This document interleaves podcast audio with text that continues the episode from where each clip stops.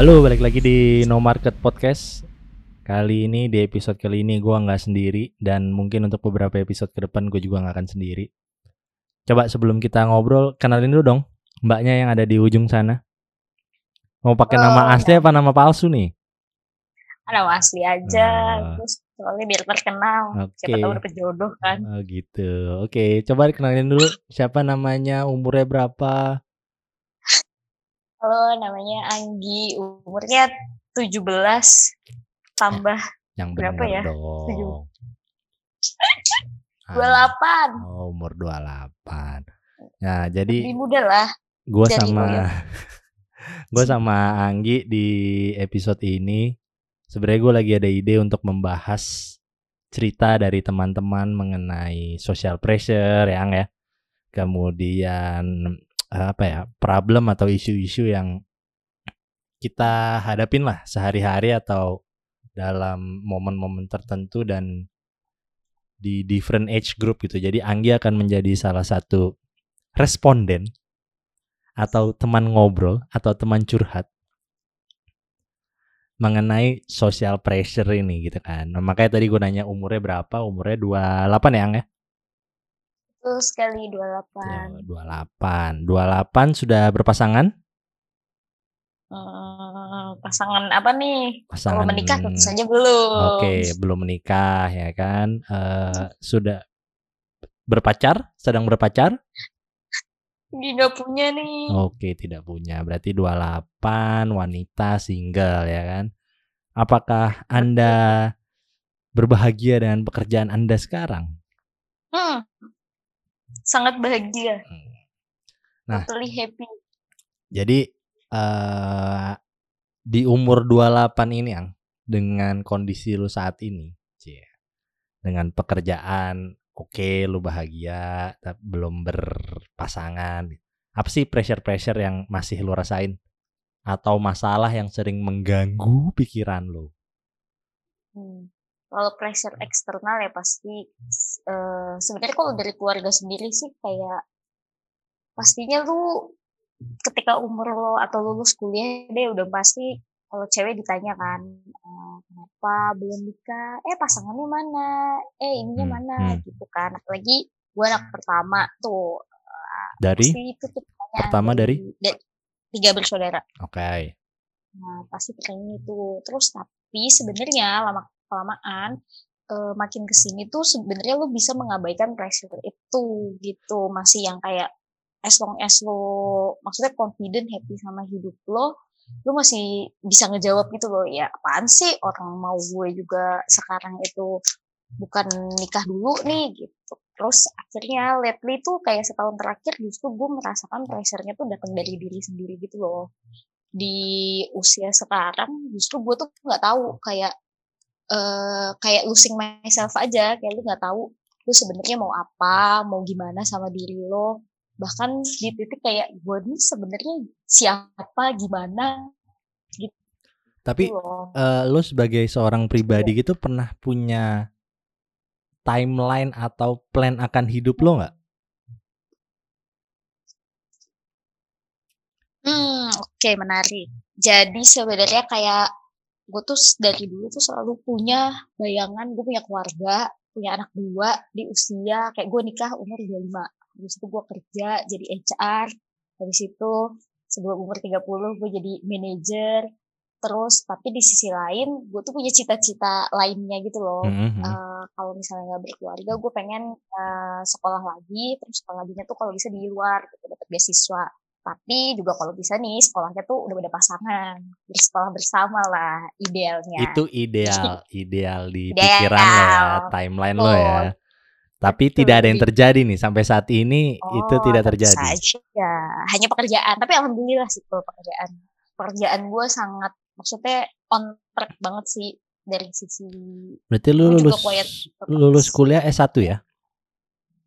Tahun berapa Jadi gue kan sebenarnya gue D3 dulu kan Yot. Kayak gue D3 tuh lulus tahun 2012. Mhm. Terus gue langsung kerja eh setahun kerja terus gue daftar S1 kan. Jadi gue Mm-mm. kerja sambil kuliah 3 tahun lulus 2016 Oke. terus udah deh tetap lanjutin kerja Oke, jadi eh pada akhirnya mungkin apa namanya timeline lo itu tidak terjadi karena lo sudah sibuk bekerja dan kuliah di saat yang seharusnya lo timeline lo menikah, ya dong? Hmm, sebenarnya gue tidak menyalahkan itu ya. Jujur sih gue nggak bilang gitu karena eh apa namanya ya, kayak sekolah kerja tuh something yang gue bener-bener nikmati sih kayak eh ya emang itu itu yang gue mau gitu loh yang kayak ya emang harus gue capai. Jadi lo enjoy the process lah ya. betul betul betul sekali. Jadi gue tidak menyalahkan eh karena gue sibuk kerja sibuk kuliah karena gue bener-bener se- happy sama yang gue lakuin itu. Terus tadi lu bilang dari pressure awalnya adalah eh, mungkin ekspektasi orang Indonesia ya bahwa habis kuliah itu adalah menikah. Bekerja dan menikah, ya kan? Betul. Itu sampai akhirnya sudah lu lewati masa-masanya tapi sekarang justru datangnya dari internal, dari diri lu. Bahwa lu nggak tahu lu siapa gitu. Hmm. Maksudnya kenapa itu bisa bisa sampai lu kok nggak tahu lu siapa tuh kenapa? Kenapa? Hmm. Jadi awalnya tuh sebenarnya gara-gara eh, kayak tahun lalu kayak hubungan sama mantan gue kan berakhir tuh, padahal kita lumayan serius. Cie. Kontrak Se- serius tuh apa? Serius itu eh, memang ada pembicaraan menuju ke jenjang selanjutnya.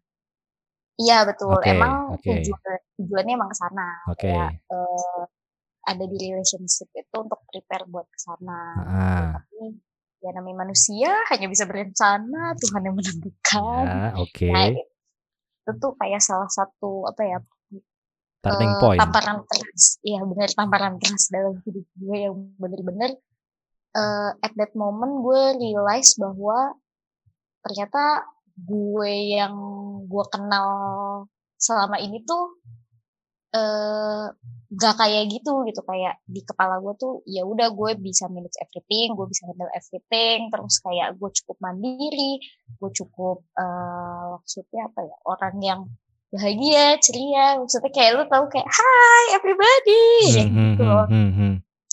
tapi itu sampai gue bener-bener gak tahu gue mau ke mana gitu loh. Kayak kalau misalnya dulu-dulu sebelum sebelumnya putus atau misalnya galau atau apa tuh gue bener-bener bisa eh, backup dengan oh ya udah gue kerja aja. Oh ya udah gue sibuk aja.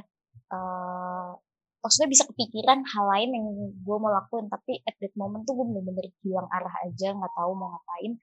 Sampai gue nggak bisa ngomong dan memotivasi diri sendiri. Tapi terus ber- akhirnya berpengaruh nggak sama pekerjaan lo waktu itu? oh sangat of course. Oh iya, segitunya Iya berarti. betul segitunya. Dan itu pun bikin gua kaget gitu hah kok gue bisa sih nggak bisa bedain Hmm, hmm, masalah hmm. pribadi sama masalah profesional? Hmm, padahal hmm. waktu itu gue bukan tipe orang yang kayak gitu loh gitu. Itu tuh sampai gue datang ke psikolog karena Oh, saking udah gak bisa handle. Iya betul. Sampai gue ke empat psikolog loh waktu itu. Sampai gue ketemu ke psikolog terakhir yang bisa maksudnya bisa ngobrol sama gue dan cukup Nyambung. eh, bisa membuka diri Mhm. betul nyambung dan ternyata banyak hal yang digali yang gue nggak tahu selama ini gitu Jadi turning point-nya adalah bubarnya sebuah hubungan yang lo dengan niat serius itu ya. Jadi itu merubah ibaratnya merubah seorang Anggi dari A menjadi nggak tahu B, nggak tahu C nih sekarang. Nggak tahu D, nggak tahu E, nggak tahu F, nggak tahu G. Berarti di Itu- umur 28 ini lo bisa bilang lo masih dalam tahap pencarian jati diri lagi kembali. serius Ih, betul Terus tapi eh, setelah itu apa l- lu sekarang punya timeline lagi gitu kan? Awalnya tadi lu bilang gue mau ada manajer 30 apa segala macem gitu. Apa lu memulai dari awal lagi untuk oke gue umur segini timeline gue adalah gini gini gini gini. Lu bikin lagi Hmm, itu nggak? nggak. Nggak. Enggak. Nggak. Karena sudah kecewa. Eh, karena apa ya eh satu hal yang gue sadar I was just too hard aja sama diri gue sendiri jadi kalau gue bikin timeline gue tuh berusaha untuk Memenuhi. capai itu kan Oke. Kayak, iya akhirnya jadinya kayak kalau itu nggak kecapai kayak capek sendiri aja capek sendiri terus habis itu lo kesel lo nggak bisa nyalain orang lo keep blaming yourself Ah. terus padahal kan itu bukan sesuatu yang bisa gue kontrol gitu loh ha. akhirnya sebenarnya eh yang dibutuhin dalam hidup lo itu adalah lo merasa tenang hari itu lo bisa tidur lo bisa bangun tanpa perasaan gelisah Mm, mm, lo sesimpel bisa makan dengan tenang minum tuh itu tuh sebenarnya cukup gitu loh buat hidup lo. Hmm.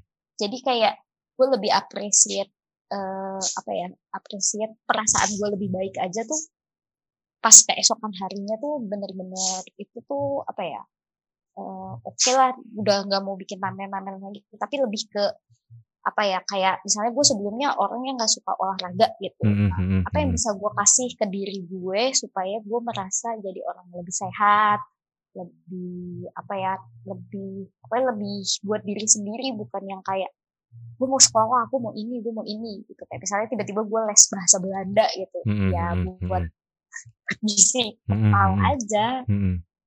bukan lagi-lagi bukan buat achieve something yang gue impikan. Berarti sekarang di umur sekarang lu sudah eh, feeling grateful for each day aja lah ya. Tapi pokoknya mer- eh perubahan perubahan dari seseorang yang mempunyai timeline, mempunyai plan terus Hmm. hancur karena sebuah hubungan menjadi seseorang yang eh, ya sudah jalani hidup day by day lah ibaratnya kasarnya. Itu Hmm. lu gimana adjustnya? Hmm, Menurut lo, lo lo mengadjust diri lo dari yang tadinya punya Oh. timeline sampai akhirnya lo coach and coach give up untuk punya timeline? Hmm. itu lo masih ada perasaan apa gua harusnya punya timeline ya? Apa gua harusnya sekarang gini ya? Apa gua harus balik ke punya timeline lagi ya? Bisa nggak sih gue punya timeline? Gitu. Masih ada nggak sih Hmm. pertanyaan-pertanyaan gitu? Eh, kalau timeline enggak sih kayak apa ya kayak ya udah it aja gitu. Gimana ya? Kayak ya udah dijalanin aja berarti Sedikit, sekarang kalau ditanya goals lo apa gimana? Apa yang mau lo capai di hidup lo? Eh tenang aja tenang damai.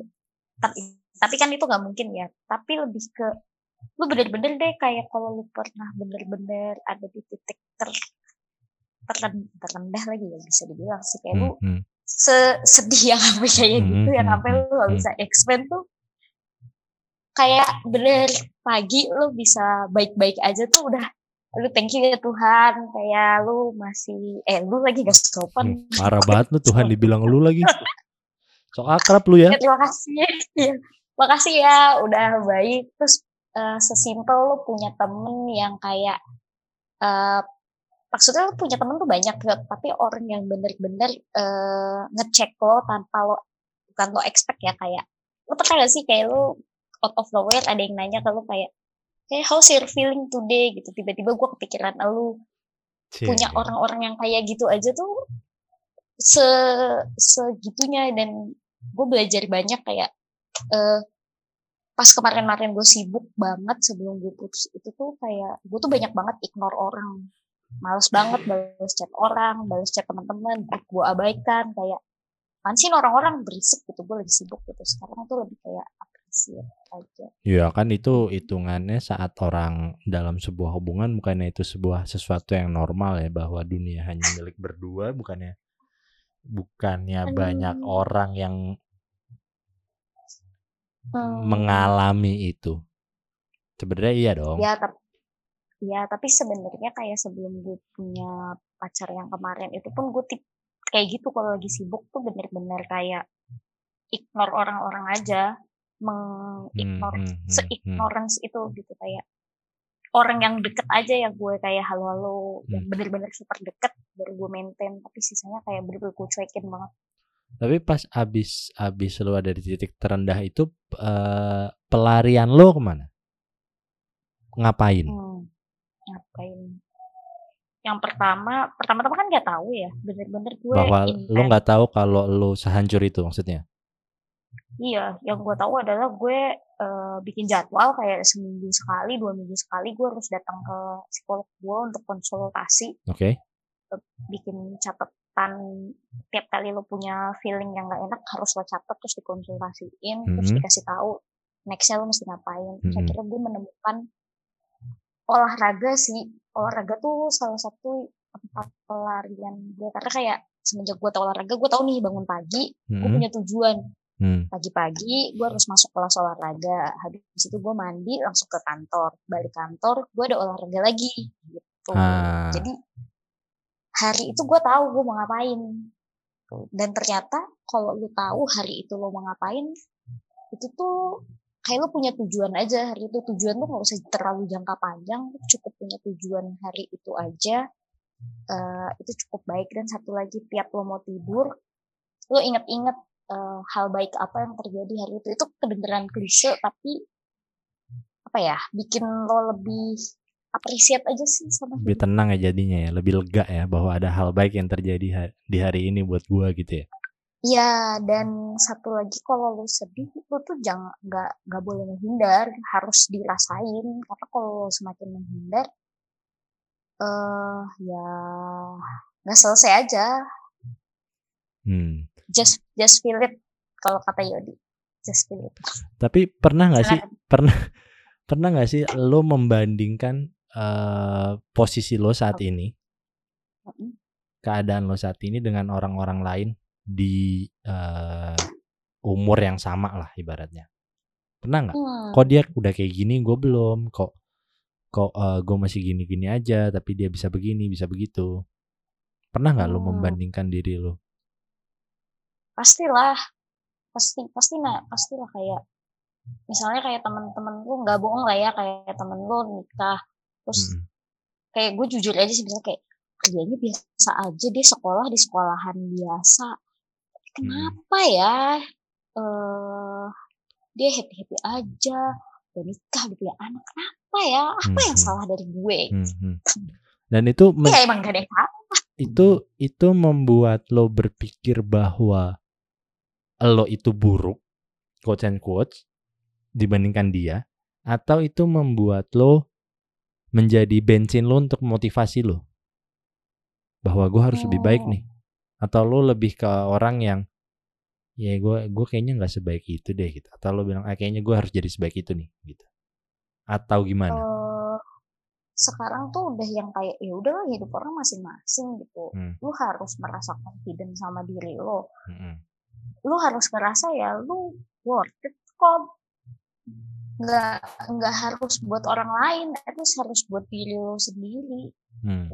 jadi emang bener-bener lagi belajar buat appreciate diri sendiri lebih lebih banyak aja harus put myself first Cialah. Sekarang balik lagi ke gua agak Iya. balik lagi ke pertama tadi yang lu bilang timeline mau nikah kemudian mau sekolah lagi gitu. Misalnya misalnya Hmm. besok nih besok 24 jam ke depan lu dapat rezeki sekian. Pilihannya cuma ada dua. Kuliah atau nikah? wow sulit lagi One time. Ini ini satu no, one way ticket ya. Iya. Ini satu kesempatan lu dapat rezeki eh, rezekinya tuh rezeki pilihan nih Iya, lu dapat lu dapat rezeki eh ibarat kata financial lah biar kita gampang ya. Financial dan kalau opportunity. jodohnya belum ada No, gimana no, no, nih no. Iya, maksudnya ada jodohnya. maksudnya secara financial lu bisa menikah, lu udah punya pasangan, lu lebih memilih punya pasangan dan menikah atau lu lebih Hmm. memilih eh, sekolah lagi. Lu harus milih salah satu nih. Buat besok. Eh, nggak boleh dipikirin harus dirasain nggak boleh dipikirin harus Ya dirasain udah terserah coba. Kalau ada pertanyaan gitu. kalau kalau pasangannya adalah yang gue cari ya gue Oh ya iya, pasangan. ya iya. Ini kan ibaratnya adalah semua dua-duanya ideal, dua-duanya tuh ideal. Pernikahan lo itu Hmm. ideal, kuliah lo eh sekolahnya juga ideal gitu. Mana yang akan lu pilih duluan? Sial, sial kalau dapetnya Harvard gimana? Iya. Iya, makanya dua-duanya ideal. Dua-duanya adalah eh, mimpi lo lah ibaratnya. Tapi lo harus milih salah satu nih. Sekarang nih lo harus milih salah satu. Hmm. Apa yang akan lo pilih? Nikah. Nikah dulu. Terus nanti iya terus itu sekolah. Iya, ber- berarti besok untuk besok ini lo akan nikah dulu kan? Itu Ya. dulu pilihan lo. Kenapa? Eh, apa ya? Nggak nggak ada alasan sih. Ya perasaan gue bilang kayaknya nikah aja deh. Hmm. Nikah dulu. Terus udah gitu. eh maksudnya kayak gue mau sekolah lagi atau apa ya udah dijalan aja sambil dalam ada hubungan itu walaupun nggak bohong itu pasti akan susah Berarti bisa agak gua simpulkan bahwa at this moment lo butuh partner ya.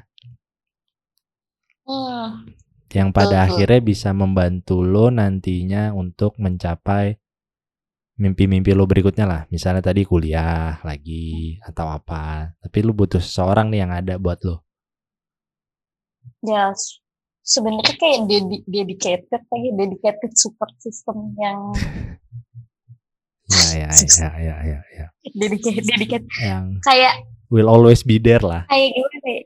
Iya, maksudnya kayak walaupun gue suka curhat kanan kiri ke mana-mana, tapi tuh kayak eh ada beberapa hal yang emang ternyata gue tuh baru sadar nggak bisa seterbuka itu aja sama orang dan akhirnya dipendem berabad-abad dan itu tuh nggak baik buat diri sendiri gitu. Ternyata gue emang orangnya nggak seindependen itu, men.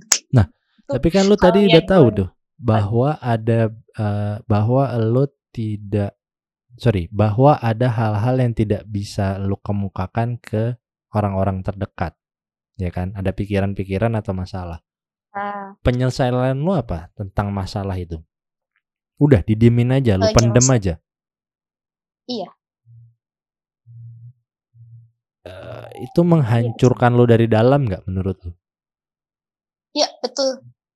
Makanya ternyata bebe- banyak maksudnya karakter gue sampai kayak behavior, cara gue berhubungan sama orang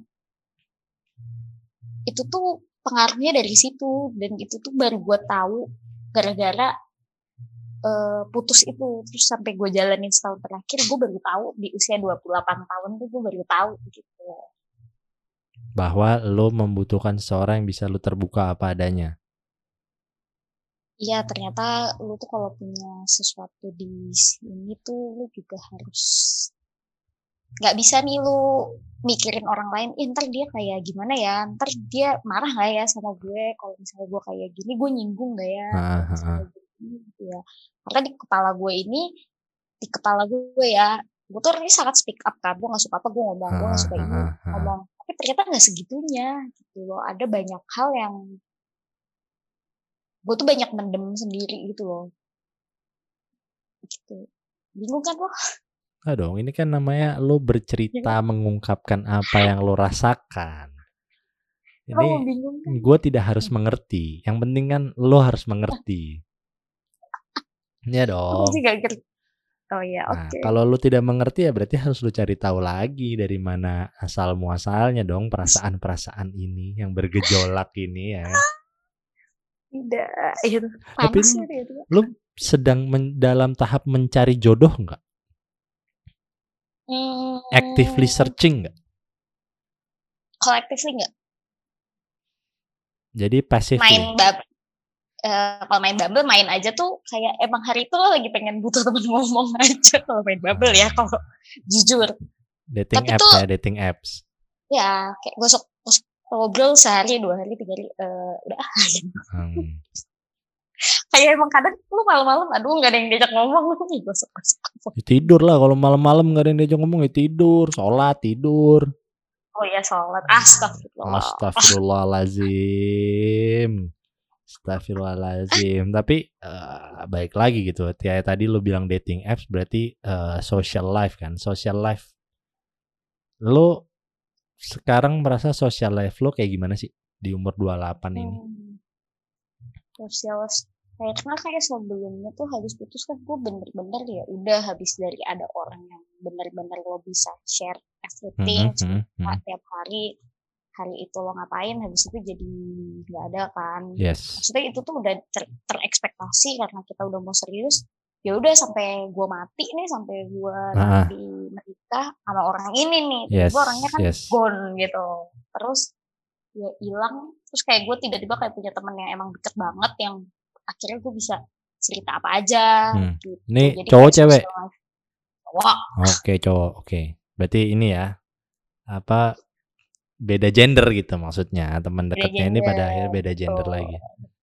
Dan kayak kebetulan tuh ya emang satu frekuensi dan emang seneng aja ngobrolnya tuh nyambung aja. Jadi kayak ada apa-apa gue bisa cerita gitu. Oh, Oke. dan di situ kayak oh gue emang butuh orang yang emang deket buat cerita gitu. Kayak cerita cerita kayak karena kalau misalnya temen nih gue temenan sama lo ya gue Ah, temenan ah, sama Arif atau apa tapi ada titik di mana kalau gue ada masalah kayak tengah malam atau apa tuh gue berpikir gitu loh siapa ya yang gue kontak gitu loh. Hmm, hmm, hmm. nah kalau kayak kalau gue pacar kan bisa kan halo kayak gue kontak gue ada masalah langsung Ah, kontak gitu. Ah. kalau temen gue yang kemarin juga bisa yang kayak gitu gitu loh. Nah ternyata gue butuh orang yang bisa Lo kenapa nggak call away aja. kenapa nggak telepon eh, ini aja customer service. Yang 24 jam. Ah, mahal. Atau delivery gitu, McD, delivery KFC di, di, port, di portal. Kan bisa nelpon. Kalau cuma butuh teman deh. ngobrol 24 jam. Atau enggak lu nongkrong di pos ronda kan 24 jam tuh malam-malam. kayak gitu dong. Kan kalau misalnya obrol ya sering misalnya gue ke pos ronda nangis nangis Hmm, ya ambil main catur. Hmm. Tapi menurut lo kenapa sih? Kenapa kenapa eh, seorang wanita Mm, itu gua nggak tahu ya, tapi menurut gua kebanyakan pressure-nya itu berawal dengan ditanya kapan nikah. Menurut lo kenapa? hmm, budaya kali ya kayak kayak ya, ya perempuan itu berujung kayak maksudnya mindset orang tuh kayak ya udah cewek tuh melahirkan punya anak Hmm. eh ya berkeluarga gitu Hmm. maksud kayak masih tabu aja cewek single sampai sampai akhir hayat itu kayak kenapa sih orang tahun tua ya Ih, apalagi kalau orangnya sibuk kerja pasti gini kesibukan kerja sih makanya lupa cari jodoh Hmm, padahal hmm. eh deh gue komen padahal kan lah bisa jadi emang pilihan dia. Semakin lo dewasa lo ngobrol sama banyak orang ternyata pilihan orang tuh macam-macam. Ada yang emang merasa cukup sama dirinya sendiri. Gue udah cukup nih sama diri gue sendiri. Gue bener-bener happy sama diri gue sendiri. Hmm. what's the point? Gue harus hidup sama orang gue harus adjust sama orang. Dan belum tentu tuh orang itu edit eh, kasih edit value ke hidup gue. Kalau misalnya nambah nyusahin males banget. Ternyata ada Hmm. orang yang punya pikiran gitu. Terus kayak Hmm. misalnya udah nikah nih gak punya anak. Terus perempuannya pasti kenapa? Kamu capean ya? Kamu kerja mulu sih jadi susah punya anak kan. Gitu. Padahal ternyata makin ke sini makin banyak ngobrol sama orang emang mereka nggak mau punya anak. Kayak mereka tidak mau memberikan pressure ke anaknya kalau mereka tua nanti anaknya harus merawat ya emang pengen berdua aja gitu. Hmm, hmm. lebih ke masyarakat itu punya apa Norma, ya norma. punya norma norma orang itu dewasa sekolah menikah gitu punya timeline norma gitu loh Hmm, hmm, hmm. norm norma yang dinormalisasi orang normal itu Hmm. adalah orang yang ya udah lulus sekolah kuliah kerja nikah punya anak gitu. Terus kerja. Kayak orang gak kerja aja di suka ditanya kan "Kamu kerja apa? Gitu ya. Eh, kenapa ini pilihan gue gitu? Tapi menurut lo menikah dan bekerja lebih lebih penting mana? Untuk seorang wanita? Bekerja. Bekerja. Lebih penting bekerja. Yap. Hmm, karena? Karena gini Mmm, nyokap gue tuh dari kecil ngajarin, eee, perempuan itu mau gimana pun lo harus sekolah yang pinter, lo pasti harus kerja. Even lo nikah, lo punya suami sekaya apa pun, lo nggak pernah tahu nasib lo tuh kayak gimana. Hmm. Eee, kalau suami lo setia bagus, tapi kan kita nggak pernah tahu ya Hmm. hati Hmm, manusia hmm. secinta-cintanya bisa aja ditinggalin atau Mhm, gimana. mhm, mhm. Kalaupun setia, lo nggak pernah tahu umur. Lo Mhm. lagi bahagia-bahagianya tiba-tiba diambil Tuhan. Mhm, Terus tiba-tiba rumahnya hilang bangkrut. Kalau lo nggak kerja, anak lo gimana? Mhm. Tuh. Kan ada Dan kalau warisan. lo bekerja, lo kalau punya warisan Yot, kalau ternyata utangnya dia banyak, warisannya buat bayar, kan nggak pernah tahu. Hmm, Jadi hmm. lo harus merasa independen dengan diri lo sendiri, tidak bergantung apa pun sama orang lain. Gitu. Hmm, Sih. hmm, hmm. Walaupun kalau di agama kan perempuan tuh kayak kakak perempuan, lo punya saudara laki-laki ditanggung lah sama saudara laki-laki lo. Tapi Hmm, hmm. nggak lo harus harus punya penghasilan sendiri. Hmm. Terus kalau lo bilang bekerja, sekarang lo udah bekerja berarti berapa tahun? 2012, 8 tahun. More or less dari pertama Iya. kali, ya kan? Mm, betul betul. Ya. itu oh, 8 tahun, berarti dari umur 20 lo ya. Berarti di 8 tahun itu lo sudah merasa ada di pekerjaan yang cocok buat diri lo. Sangat Sangat di bidang Yep. HR ini. Dan lo tidak ada rencana maksudnya atau pikiran untuk kayaknya nyobain bidang lain enak deh gitu. Hmm, oke. Even kalau yang kepikiran di gue sekarang adalah kalaupun gue bidang lain adalah mau buka HR consultant tapi lebih buat ke karena di banyak anak-anak sekarang tuh punya usaha kecil kan kayak UMKM heeh, heeh. gitu. Tapi mereka tuh nggak punya knowledge how to uh, manage their business dari segi people gitu. Oke. People tuh banyak banget nih nggak ngerti misalnya kayak uh, nge-hire karyawan kontrak ya lu harus punya kontrak kayak ini. Kalau lo kenapa-napa lo bisa di ini loh di Hmm, ya ya ya. eh, masalah hukum atau sesimpel kayak nggak sesuai sama eh, apa namanya upah minimum itu Nah, impactnya ke mana. Terus banyak banget tuh UMKM yang tidak membayarkan BPJS pajak dan mereka tuh nah, sesimpel ternyata kalau ditanya bukan gak ada duitnya tapi mereka males ribet caranya nggak ngerti gitu. Jadi lebih ke eduka edukasi juga prosesnya gimana sama eh, karena sekarang gue jadi HR bisnis partner komersial hal yang gue syukuri adalah gue banyak belajar bisnis proses tentang eh, handle proses komersial hmm, bisnis hmm, ya hmm, dari mulai isi dan lain-lain. Itu kayak sesimpel ngebantuin orang yang punya usaha emang tujuan lo tahun depan apa? Eh, lo mau growth berapa? Oke lo mau growth berapa? Di breakdown dong. Pakai Hmm, cara apa? Cara apa butuh manusia berapa gimana job hmm, hmm, hmm, apa hmm. tetap Berarti tetap pengen pun lo HR punya konsultan itu pun tetap di HR ya, ya bukan betul sesuatu yang yang eh, beda jauh gitu maksudnya dari kerjaan lo sekarang masih tetap Hmm, sangat hmm. amat berhubungan kan? Ya, dan fokus bisnisnya emang bener-bener mau yang menengah ke bawah aja. Karena kalau menengah ke atas kan orang bisa bayar siapa pun kan. Tapi menengah ke bawah tuh suka nggak kepikiran aja kons Hmm, hmm, hmm, hmm, hmm. berkonsultasi. Dan itu itu masih ada di pikiran lo atau sudah ada yang lo lakukan atau masih hmm, aja sekedar ide? gue melakukan karena gue tuh dapet ide ini gara-gara bantuin temen lo.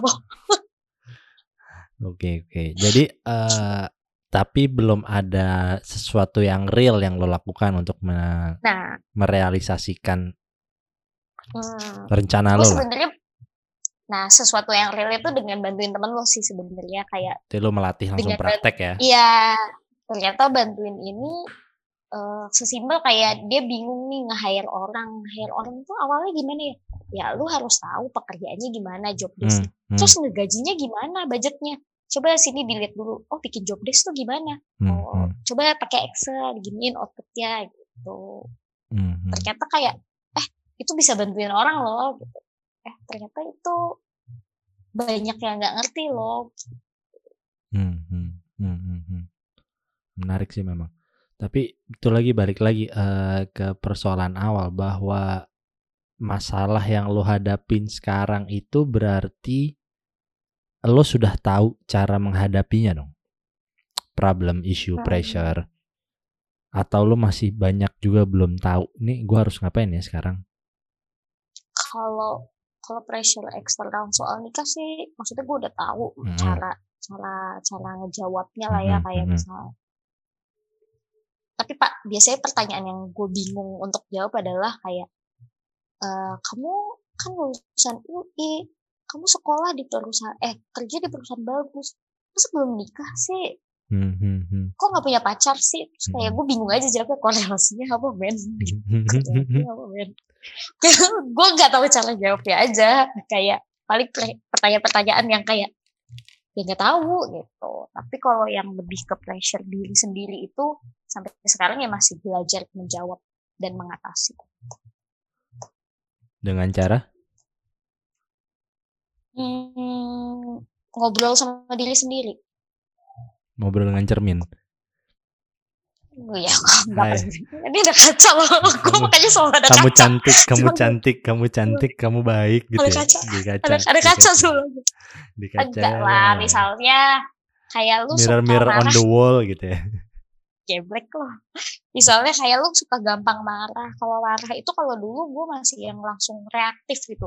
Ini bangke gitu. Hmm, Sekarang tuh lebih yang kayak kenapa sih gue marah? Coba pikir marah tuh marahnya kenapa gitu. Hmm, Lebih, hmm, hmm. lebih gimana sih? Mengenal kalau sedih gitu. Kenapa sedih? Mm-mm. Tapi itu eh, pas lu tanyakan lagi ke diri lu gitu, kenapa sih gue gini, kenapa sih gue gini, lu selalu mendapatkan jawaban nggak? Hmm, so far sih iya. So far. pada ya? akhirnya gue ya kayak pada akhirnya kayak misalnya marah pas selesai ya kenapa marah coba oh ya udah orang kan beda-beda emang gak bisa lo handle Hmm, otak lo orang emang kayak gitu. Dia nggak baca email kan gak bisa kontrol dia baca gitu. Kayak yang bisa lo kontrol bener-bener cuma diri lo sendiri. Kayak gue lagi belajar memanage ekspektasi dan kemauan gue yang sangat ngototan Hmm, hmm, hmm. Tapi itu saat lu menemukan jawaban, lu merasa jawaban itu dipaksakan apa enggak? Misalnya tadi kayak lu bilang, "Eh, oh iya dia kan nggak baca email, oke lah dia salah dia nggak baca email, gua nggak Hmm. bisa maksain dia baca email.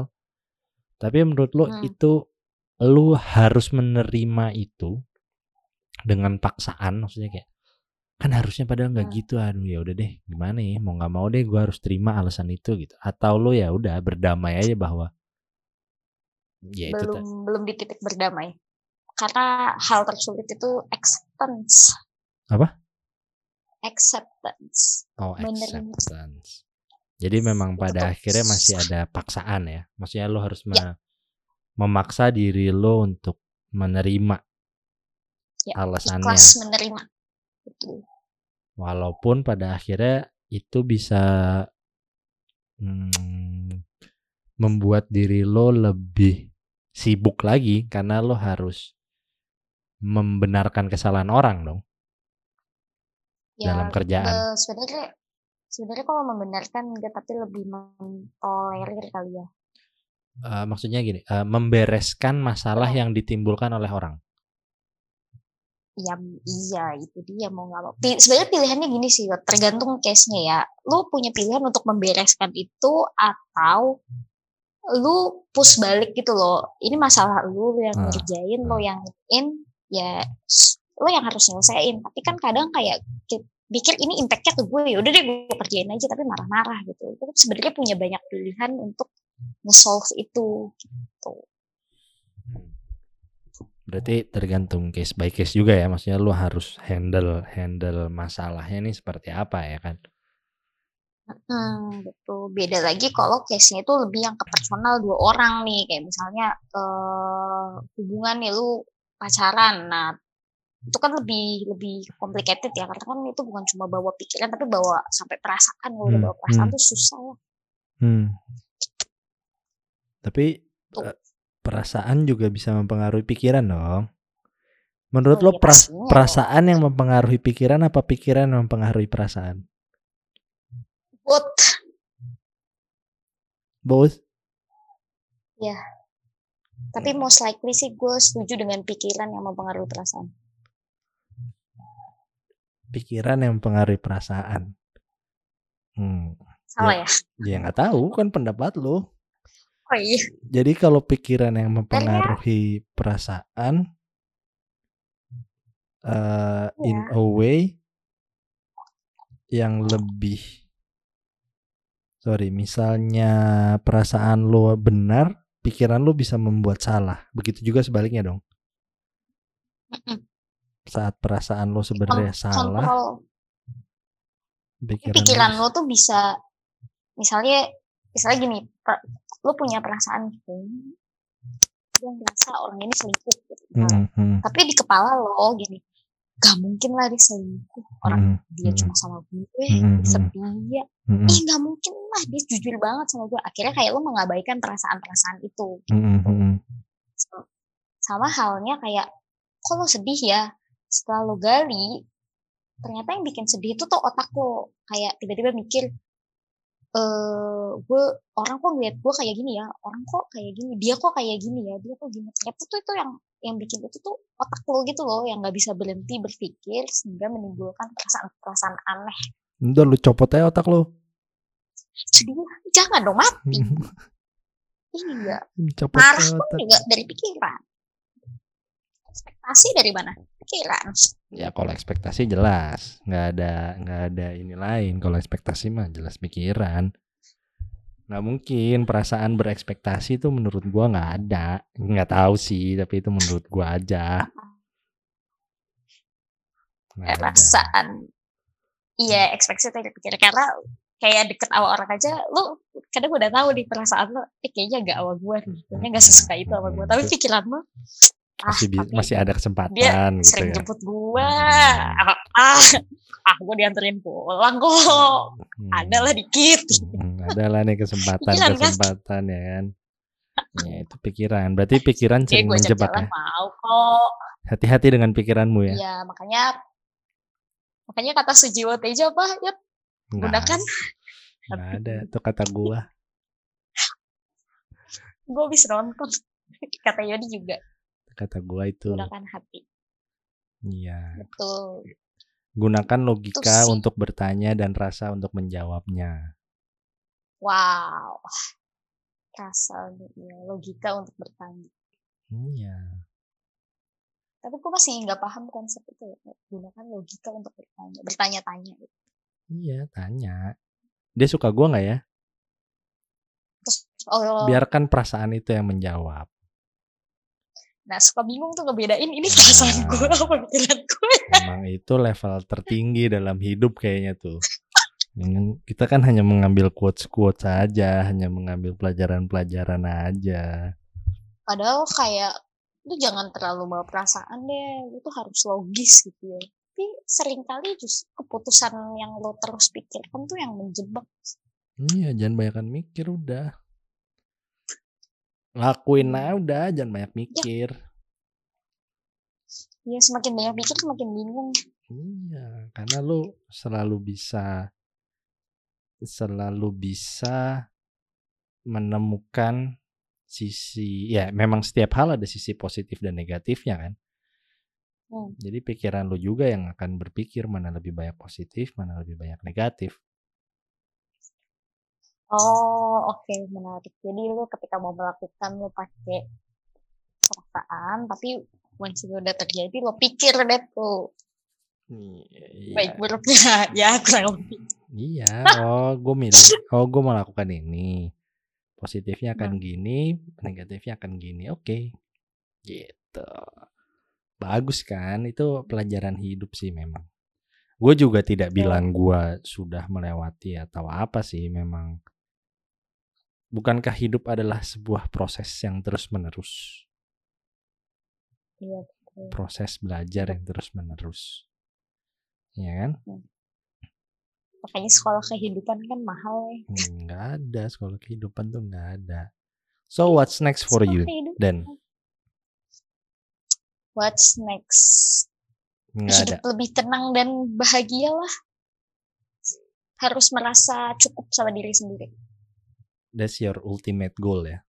merasa cukup dan Ya, bahagia betul. untuk diri Karena sendiri. Ya, karena mau lo punya pendamping, satu hal yang gue sadarin adalah lo mau punya pendamping sebaik apa pun, sebagus apa pun, se- sesuai ideal apa pun, lo akan terus bermasalah sama hubungan itu, lo akan terus gak akan selesai kalau lo nggak pernah ngerasa cukup sama diri lo sendiri. Apa pun itu ya, cukup tuh bukan berarti cukup kaya atau cukup apa, tapi cukup just enough gitu.